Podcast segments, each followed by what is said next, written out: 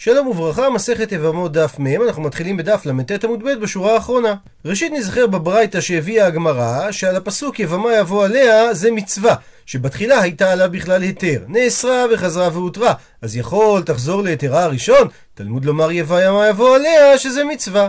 ולשאלת הגמרא, מי התנא ששנה את הברייתא, הביאה הגמרא שתי תשובות. תשובת רבי יצחק בר אבדימי שאמר שזה אבא שאול, ותשובת רבא שזה אמר שזה שיטת רבנן.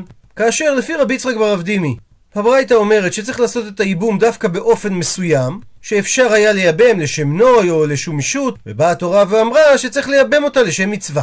ורבא לעומת זאת אומר, שהברייתא דיברה על עצם עניין הייבום, שהוא לא רשות אלא מצווה. ומקשה הגמרא על רבי יצחק בר אבדימי, אימא רישא, תאמר מה כתוב בראש הברייתא. שגם שם השתמשה הברייתא באותו מטבע לשון. שלגבי שירי מנחה כתוב והנותרת מן המנחה יאכלו אהרון ובניו ואז יש מילים שהן לכאורה מיותרות בפסוק מצות תאכל במקום קדוש ואומרת הברייתא שזה מצווה.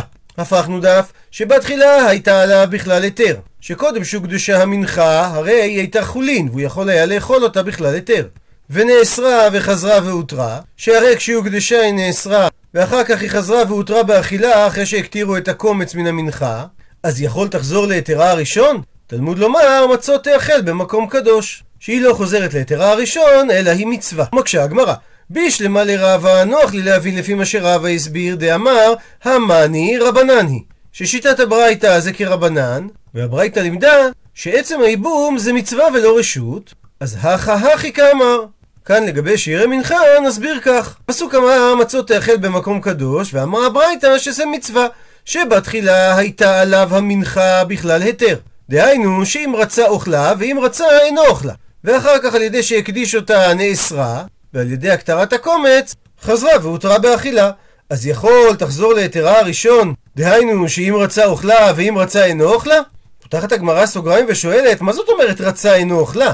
הרי זה לא נתון לבחירתו שהרי והכתיב נקרא בפנים ואכלו אותם אשר כופר בהם למלא את ידם לקדש אותם וזר לא יאכל כי קודש הם שזה מלמד שהכהנים אוכלים ובעלים מתכפרים כדי שהכפרה תהיה שלמה ואם כך זה לא תלוי ברצון הכהן אם לא לאכול אלא בהכרח צריך לשנות באופן הבא רצה הוא אוכלה דהיינו הכהן שעבד את עבודת ההכתרה או אולי רצה כהן אחר אוכלה תלמוד לומר מצות תאכל במקום קדוש שיש מצווה שדווקא הכהן שעבד את עבודתה הוא זה שיאכל אותה. עד לכאן הסבר הרישא של הברייתא לפי שיטת רעבה, שגם בסיפא וגם ברישא בא הפסוק ללמד שהמעשה המדובר או אכילת שיירי המנחה או הייבום הוא מצווה ולא רשות.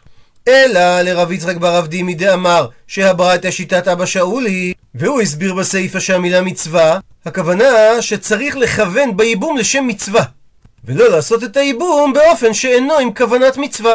אז הכא ברישא של הברייתא, מאי תרי גווני איכא. איזה שתי אפשרויות יש לאכול את שיערי המנחה, שאומר התנא שהפסוק ממעט אחת מאותם המשמעויות. הוא מביא הגמרא שלוש אפשרויות לתרץ. אפשרות ראשונה, וכי תימה, אולי תרצה לתרץ ולומר שרצה לתיאבון אוכלה, רצה אכילה גסה אוכלה, ובא הפסוק ללמד אותנו שצריך לאכול את שיערי המנחה לתיאבון. והרי לא ניתן להסביר כך, כי אכילה גסה מי ישמע אכילה?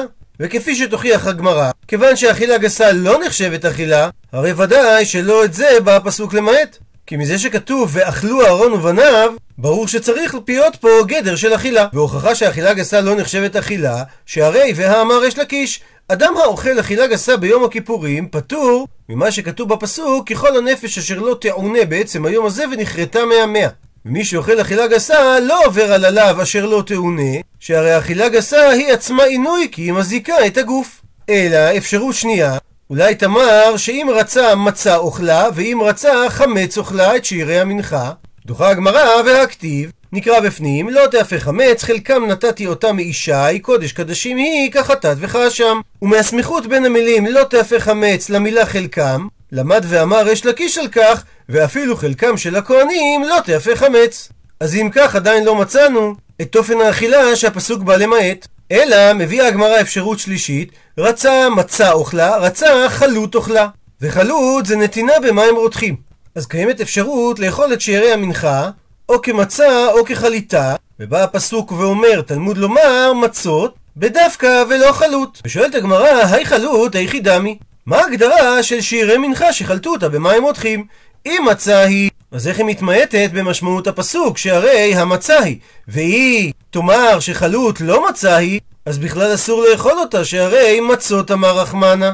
וממילא לא צריך שהפסוק ימעט את זה. מתרצת הגמרא, לא קשה, כי לעולם אימה לך ניתן להסביר שחלות זה אכן מצה היא. ולכן הייתה הווה אמינא שניתן לאכול את שארי המנחה בצורה של חליטה, ולהכי תנא ביקרא, ולכן חזר הפסוק. ומלבד הציווי ואכלו המצות, הדגיש גם מצות תאכל, כדי לעכב, דהיינו שצריך לאכול את שארי המנחה, לא בצורה של חלות. אבל אם כך שואלת הגמרא, אלא חלות מצאי דקאמרינן למאי הלכתה?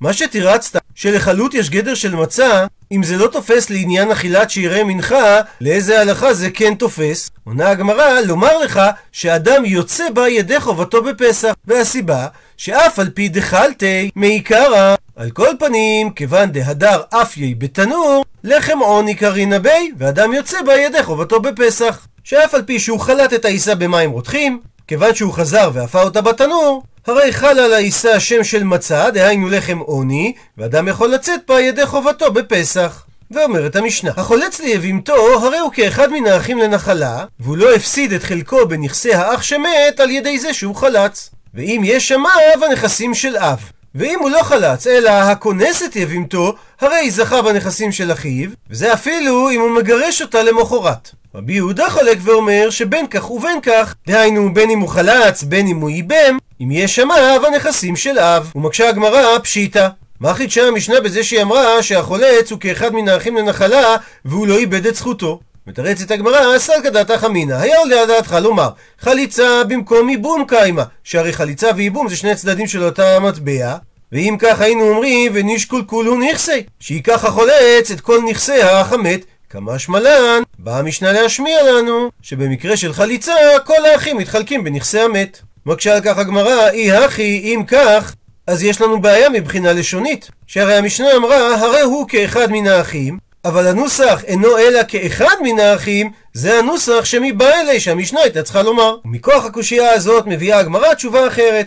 אלא סלקא דעתך אמינא, היה עולה על דעתך לומר, הואיל ואף סדה מייבום לקנסי, שהרי על ידי החליצה הוא פסל אותה על האחים והיא לא יכולה להתייבם יותר. אז אולי היינו קונסים אותו שהוא יאבד את חלקו בנכסי הנפטר, כמה שמלן, באה המשנה להשמיע לנו שגם החולץ הוא כאחד מן האחים לנחלה. ציטוט מהמשנה שבמקרה של חליצה, אם יש אב, הנכסים של האב. המקור לכך דאמר מר במסכת בבא בתרא שהאב קודם לכל יוצא ירחו והוא יורש את נכסי בנו שמת לפני שאר אחי הנפטר. ציטוט מהמשנה כונס את יבימתו שהוא זוכה בנכסי הנפטר אפילו אם יש אב ושואלת הגמרא, מה היא תמה? מה המקום לדין הזה? עונה הגמרא, כי כתוב, נקרא בפנים, והיה הבכור אשר תלד יקום על שם אחיו המת ולא ימחה שמו מישראל. הרי שיקום על שם אחיו אמר רחמנה, כך אמר הפסוק, ואם הוא ייבם והרי קם. ולכן הוא זה שזוכה בנכסים. ציטוט מהמשנה שרבי יהודה אומר, בין כך ובין כך, בין אם זה חולץ, בין אם הוא כונס, אם יש אב, הנכסים שייכים לאב. ואמר על כך הוא לה הלכה כרבי יהודה, וכן אמר רבי יצחק נפחא הלכה כרבי יהודה. ואמר אולה ואיתימה ויש אומרים שאמר את זה רבי יצחק נפחא, הייתה מה דרבי יהודה? שאמר שאם קיים האב הנכסים הולכים אליו. דכתיב, נקרא בפנים, והיה הבכור אשר תלד יקום על שם אחיו המת ולא ימחה שמו מישראל. והגמרא בדף כ"ד דרשה שהמילה בכור זה כינוי ליבם שהוא כבכור, כך שניתן ללמוד מה בכור אין לו בחיי האב שום חלק בנכסי אביו, אף היינמי, גם היבם אין לו בחיי האב. מקשה הגמרא, אולי נשווה באופן הבא, אם הבכור נוטל פי שניים לאחר מיתת האב, אז נאמר, אף היי, היבם הזה נוטל פי שניים לאחר מיתת האב. דוחה הגמרא, מידי, האם יקום על שם אביו כתיב בפסוק? הרי יקום על שם אחיו כתיב בפסוק, ולא על שם אביו.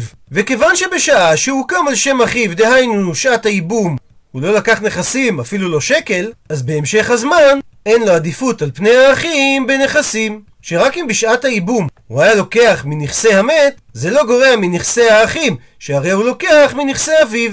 מה כשהגמרא, אימה, אולי נאמר, שצריך לקשור בין שני הדברים באופן הבא. היכא דלי כאב דלישקול נחלה, אז תתקיים מצוות ייבום, והיכא דאי כאב דלא שקיל נחלה, אז לא תתקיים מצוות ייבום. כי אם רבי יהודה הסביר שמה שכתוב והיה הבכור אשר תלד, שהיבם הוא כמו בכור, שאם האב קיים הוא לא יורש את נכסי הנפטר, אז במקרה שיש אב והיבם לא לוקח נחלה, אולי נאמר שלא מתקיימת מצוות ייבום. דוחה הגמרא, מידי האם ייבום בנחלת על הרחמנה? אין הדברים תלויים אחד בשני, אלא ייבומי מייבמי. והיא על הדרך אי כנחלה, שקולי, שאם יש נחלה הוא מקבל אותה, והיא לא, לא שקיל. אבל אין תלות בין מצוות הייבום לבין קיומה של הנחלה. ומספרת הגמרא שיתיב רבי חנינא קרא, שהיה בקיא בפסוקים, אולי היה בעל קוירה, והוא ישב קמי דרבי ינאי, ויתיב וכאמר הלכה כרבי יהודה.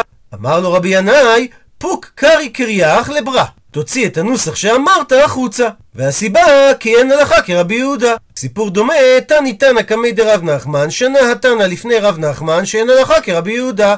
אמר לו רב נחמן, אלא כמן, כרבנן?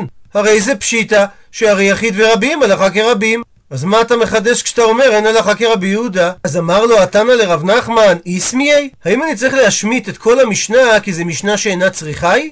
אמר לה, עונה לו רב נחמן, לא, אל תשמיט את המשנה, כי כנראה את הלכה אתניח, לימדו אותך לשנות במקור שהלכה כרבי יהודה.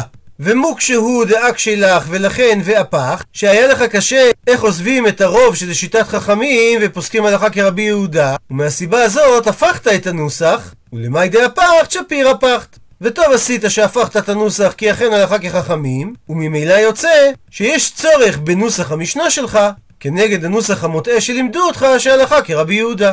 ואומרת המשנה, החולץ לאבימתו הוא אסור בקרובותיה והיא אסורה בקרוביו. הוא מסביר רש"י כי הסיבה שגזרו חכמים כאילו היא אשתו, כך שכל קרובות הנאסרות מחמת אישה גמורה אסורות מדרבנן בחלוצה. הפכנו דף ומפרט את המשנה. הוא אסור באמה ובאם אמה ובאם אביה ובביתה ובבת ביתה ובבת בנה ובאחותה, רק שהאיסור באחותה זה רק בזמן שהיא קיימת. מה שאין כן שאר האריות, שגם כאשר חלוצתו מתה הן עדיין אסורות לו. והאיסורים הללו הם רק על החולץ, מה שאין כן שאר והאחים שהם מותרים בהם. ובאותו אופן גם לגבי החלוצה. והיא אסורה באביו ובאבי אביו ובבנו ובבן בנו באחיו ובבן אחיו, הוא מדגיש רש"י שהאיסור באביו זה משום כלתו, ובאבי אביו האיסור הוא משום כלת בנו. ולמרות שאם היא הייתה אשתו גמורה, הרי לא הייתה אסורה לאבי אביו, אלא מדברי סופרים, שהרי איסור כלת בנו זה איסור שניות דרבנן. בכל זאת, גזרו חכמים באותו אופן גם לגבי חלוצה. וכן היא אסורה בבנו משום אשתה, בבן בנו משום אשת אבי אביו, שזה גם גזירת שניות, ובאחיו משום אשת אח, ובבן אחיו משום אשת אחי אביו. דהיינו, היא אסורה על אביו של היבם ועל אבי אביו, שזה הסבא מצד האבא, ובאותו אופן כלפי מטה היא אסורה על בנו ועל בן בנו, דהיינו על הנכד שלו מהבן, וכן היא אסורה על אחיו של היבם ועל האחיין של היבם, שהוא בן אחיו. הוא מסיים את המשנה שמותר אדם בקרובת צרת חלוצתו, ואסור בצרת קרובת חלוצתו. אם לאישה שחלצו יש אישה שהיא צרה שהייתה נשואה במקביל אליה, הרי מותר החולץ בקרובות הצרה. ואנחנו לא אומרים שהסטטוס של הצרה זה כמו החלוצה שהוא יהיה אסור בקרובותיה. מה שאין כן לגבי צרת קרובת חלוצתו. מסביר רש"י שאם ראובן חלץ ללאה ורחל אחותה נשואה לנוכרי, ובמקביל יש עוד אישה נוספת שהיא צרתה, אז כאשר מת הנוכרי, אסורה הצרה לראובן, וזה מה שנקרא הצרה של קרובת חלוצתו. ונעזר ביורים מעטרת צבי כדי להבין, ראובן ושמעון אחים, לשמעון יש שתי נשים, לאה וחנה, ולחנה יש בת בשם אסתר, מנישואים קודמים. ללאה יש אחות בשם רחל, והיא התחתנה עם דוד, שלו יש אישה נוספת שקוראים לה מרים. אז כאשר שמעון מת, ראובן אחיו חולץ ללאה, והצעה של לאה היא חנה, אז ראובן מותר בחנה ביתה. שהרי מותר אדם בקרובה של צרת חלוצתו. לעומת זאת, הוא אסור בצרת קרובת חלוצתו. ורחל, אחותה של לאה, היא קרובת חלוצתו, ולכן הוא יהיה אסור במרים שהיא צרתה. שואלת הגמרא, היא באה להו, האם גזרו שניות בחלוצה או לא? הוא מביא רש"י לדוגמה, אם אם אמה ואם אם אביה, שלגבי אשתו הן נאסרות משום שניות. אז האם אנחנו אומרים שרק בערווה דאורייתא גזרו בו רבנן שניות, כי בערווה דאורייתא גם אמה של אשתו ואם אמה של אשתו הם ערווה דאורייתא. אז אולי רק שם גזרו רבנן שניות, אבל בחלוצה אולי לא גזרו רבנן שניות. שהרי אפילו עריות דידה, כמו אמה ואם אמה של החלוצה, הם רק איסור דרבנן. אז אולי לכן לא גזרו שניות בחלוצה. או דילמה, או אולי תאמר, לא שנה. שאין הבדל וכן גזרו שניות על חלוצה, ולא ניתן לדייק מהמשנה שאמרה שהיא אסורה באבי אביו משום כלת בנו, שלכאורה זה איסור שניות, כפי שתדחה הגמרא בהמשך, שהאיסור לא בגלל חולץ שזה אכן איסור שניות כלפיו, אלא בשביל המת שהייתה זו אשתו גמורה. ואז איסור אבי אביו זה משום כלת בנו ולא משום שניות. ומביאה הגמרא תשמע בו שמע הוכחה ממשנתנו, שאמרה המשנה הוא אסור באמה ובאם אמה. ונדייק ואילו אם אם אמה לא קטני. ומכאן הוכחה שאין איסור שניות על חלוצה. דוחה הגמרא דילמה אולי ניתן לתרץ היינו תמא דלא תני שהסיבה שהמשנה לא אמרה את אם אם אמה, שום דקבאי למית סיפא, כי המשנה רצתה להגיד בסוף, והאחים מותרים בקרובות החלוצה. והיא תנא, אבל אם היינו שונים את אם אם אמה, אז הווה אמינא היינו חושבים לומר שהאחים מותרים דווקא באם אם אמה. אבל אולי באם אמה ובאמה לא מותרים. ומהסיבה הזאת השמיטה תנא את אם אם אמה. מקשה על כך הגמרא וליטני, הרי המשנה הייתה יכולה לשנות אם אם אמה, ובמקביל וליטני האחים מותרים בכולן. ואז לא היית חושב שהם מותרים רק באם אם אמה ולא באם אמה ובאמה. ונשארת הגמרא בקשיא. ואומר תוספות שהסיבה שהגמרא לא הגיעה פה למסקנה שלא גזרו שניות בחלוצה זה בגלל שבהמשך הגמרא המסקנה היא שכן גזרו שניות בחלוצה והגמרא לא רצתה לתרץ שהתנא שיער איסור נשים שניות ולא אמר אותם שהרי ברשימה של התנא יש רק את הנשים שאסורות דאורייתא ולא משום איסור שניות. מביאה הגמרא תשמע בו שמע הוכחה נוספת, שאמרה המשנה, היא אסורה באביו ובאבי אביו, קטני מיה, וניתן לדייק, שהאיסור באבי אביו, מה אליו משום חולץ? דהביה לה כלת בנו, שזה איסור שנייה, ואם כך נראה שאכן גזרו שניות על חלוצה. דוחה הגמרא שלא ניתן לדייק כך, כי ניתן לומר משום מתנא דהבה לכלת בנו, שאיסורה כלפי אבי אביו של היבם, נובע בגלל הקשר שלה לנפטר שהיא הייתה אשתו הגמורה, כך שהיא נאסרה על הסבא שלו משום כלת בנו. ממשיכה הגמרא תשמע בו שמע הוכחה מהמשנה, שאמרה ובבן בנו. ומדייקת הגמרא מה אליו שהאיסור הוא משום חולת, דהביה לה אשת אבי אביו, שזה איסור שניות. דוחה הגמרא שלא בהכרח לדייק כך, כי ניתן לומר שהאיסור הוא משום מיתנה, שהיא הייתה אשתו הגמורה של הנפטר, ולכן היא אסורה על בן בנו של החולת, והביה לה אשת אחי אבי אביו. אבל מקשה על כך הגמרא, המימר מכשיר באשת אחי אבי אביו. כי הוא אמר בדף כ"א, שלא גזרו על אשת אחי אבי אביו גזירת שניות. כך צריך לומר שהסיבה שהיא אסורה בבן בנו, זה משום שגזרו שניות בחולץ. מתרצת הגמרא, שהמימר מוקילה בבר ברא דסבא. כך שהוא יפרש את המשנה, שהיא אסורה באביו של החולץ ובאבי אביו של החולץ, ובבן של אבי החולץ, ובבן של הבן של אבי החולץ. מקשה על כך הגמרא, אבל היא אחי, היינו אחי ובן אחיו. הרי המשנה בהמשך אומרת שאחיו של החולץ ובן אחיו של החלץ אסורים, ולפי מה שאמרת, המשנה בעצם חוזרת פעמיים על אותם אנשים. מתרצת הגמרא, תנא אחיו מן האב, וקטני אחיו מן האם. כאשר המשנה אומרת בנו ובן בנו, היא מתייחסת לאחיו ולבן אחיו מן האב, וכאשר המשנה אומרת בהמשך אחיו ובן אחיו, היא מתכוונת לאחיו ולבן אחיו מן האם. ממשיכה הגמרא ומביאה תשמע בו שמע הוכחה דתני רב חייא שכך שנה רב חייא בברייתא. החלוצה אסורה בארבע קרובים של החולץ מדברי תורה וארבע קרובים של החולץ מדברי סופרים. הוא מפרט את הברייתא. אב ובנו, אחיו ובן אחיו, זה האסורים עליה מדברי תורה, אבי אביו ואבי אמו, בן בנו ובן ביתו, הם האסורים עליה מדברי סופרים. עד לכאן לשון הברייתא, ומדייקת הגמרא, קטני מיה, הרי אמרה הברייתא שאבי אביו אסור עליה מדברי סופרים. מה אליו? האם האיסור הוא לא משום חולץ? שהרי והביה לה כלת בנו. ומכאן הוכחה שגזרו שניות על חלוצה. מתרצת שוב הגמרא, לא תדייק באופן הבא, אלא האיסור הוא משום מיתנה, משום המת שהייתה אשתו הגמורה, דהביה לה כלת בנו. מביאה הגמרא תשמע, בו שמע הוכחה מהברייתא, שאמרה שגם אבי אמו של החולץ אסור על החלוצה. מדייקת הגמרא, מה אליו? האם האיסור הוא לא משום חולץ, דהביה לה כלת ביתו. ואם כך הוכחה שגזרו שניות על חלוצה. ושוב מתרצת הגמרא, לא תדייק כך, אלא האיסור הוא משום איתנא דהבי אלה כלת בתו. וממשיכה הגמרא תשמע, שאמרה הברייתא שהיא אסורה גם ובן בנו. ושוב מדייקת הגמרא, מה אליו שהאיסור הוא משום חולץ, דהבי אלי אשת אבי אביו. ומכאן הוכחה שגזרו שניות על חלוצה. דוחה הגמרא, לא תדייק כך, אלא האיסור משום איתנא דהבי אלה אשת אחי אבי אביו. מקשה הגמרא והמימר מכשיר באשת אחי אבי אביו כי הוא אומר בדף כ"א שלא גזרו עליה משום שניות. ואם כך בהכרח לפי המימר שהאיסור הוא בגלל הקרבה דרך החולץ וממילא גזרו שניות על חלוצה. מתרצת הגמרא שהמימר מוקים לה משום חולץ וכסבר שאכן גזרו שניות בחלוצה. אבל ההוכחה הזו היא רק לשיטת המימר כי לפי החולקים על המימר עדיין ניתן לומר שהגזרה היא משום מיתנא דאבה לאשת אחי אבי אביו ולכן ממשיכה הגמרא ומביאה תשמע, שאמרה הברייתא שהחלוצה אסורה גם ובבן ביתו. מדקת הגמרא, מה אליו שהאיסור הוא משום חולץ, דהביא לה אשת אבי אמו. ומכאן הוכחה שכן גזרו שניות בחלוצה. דוחה הגמרא לא תדייק כך, כי ניתן לומר שהאיסור הוא משום מיתנא, דהביא לה אשת אחי אבי אמו. אבל מקשה על כך הגמרא, והגבי שניות דערווה לא גזרו. שאין בכלל איסור שניות על אשת אחי אבי אמו. אלא לאו בהכרח צריך לומר שהאיסור הוא משום החולץ. ואם כך, הוא שמע מינה שגזרו שניות בחלוצה, שמע מינה. ציטוט מהמשנה מותר אדם בקרובת צרת חלוצתו, ואסור בצרת קרובת חלוצתו. ועל כך אמר רב טובי בר קיסנא אמר שמואל, הבעל צרת חלוצה הוולד ממזר. מה היא טעמה? שהרי היא באיסור הקיימה. הוא מסביר רש"י כי רק החלוצה באיסור שלא יבנה ולא יותר. אבל צרתה, עליה קיים גם איסור אשת אח, שזה איסור כרת, וממילא אם הוא בא עליה, ולד ממזר. כי רק על החלוצה באופן ספציפי, אמרה התורה שיש רק את האיסור שלא יבנה ולא איסור אשת אח. מה שאין כן על הצרות, שלא פוקע מהם איסור אשת אח על ידי החליצה.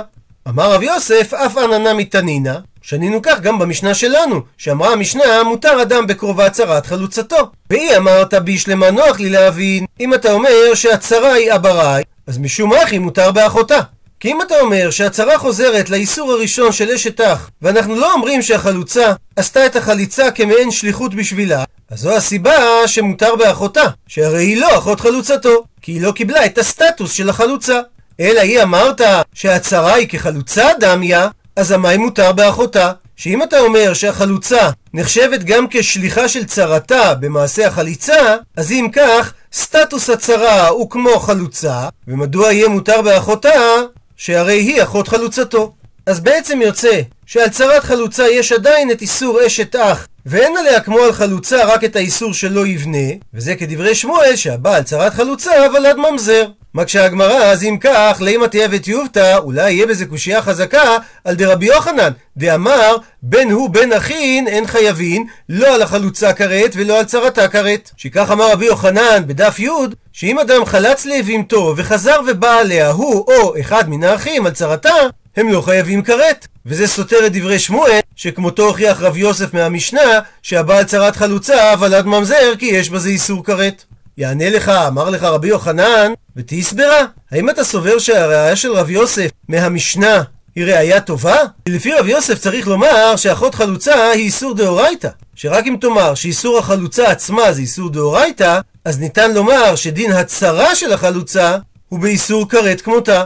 והרי זה לא מסתדר שהרי והאמר יש לקיש שכאן במשנה שנה לנו רבי שאיסור אחות גרושה זה מדברי תורה ואיסור אחות חלוצה זה מדברי סופרים. וכיוון שאחות חלוצה עצמה זה איסור דברי סופרים אז ברור שרק על אחות החלוצה גזרו חכמים אבל על אחות צרת החלוצה הם לא גזרו. וממשיכה הגמרא ושואלת בעצם מה ישנהי ומה ישנהי? מדוע אמרה המשנה שקרובת צרת חלוצה מותרת לעומת צרת קרובת חלוצתו שהיא אסורה? שהרי שתי נשים אלו הן נוכריות לגביו. אז מדוע באחת אמרו שאסור ובאחת אמרו שמותר? הפכנו דף, עונה הגמרא, הך דאזלה בהדה לבי דינא גזרו בהו רבנן, היי דלא אזלה בהדה לבי דינא לא גזרו בהו רבנן. זאת שהולכת עם החלוצה לבית הדין למעמד החליצה בה חכמים גזרו, וזאת שלא הולכת עם החלוצה למעמד החליצה בבית הדין בה חכמים לא גזרו. הוא מביא רש"י דוגמה.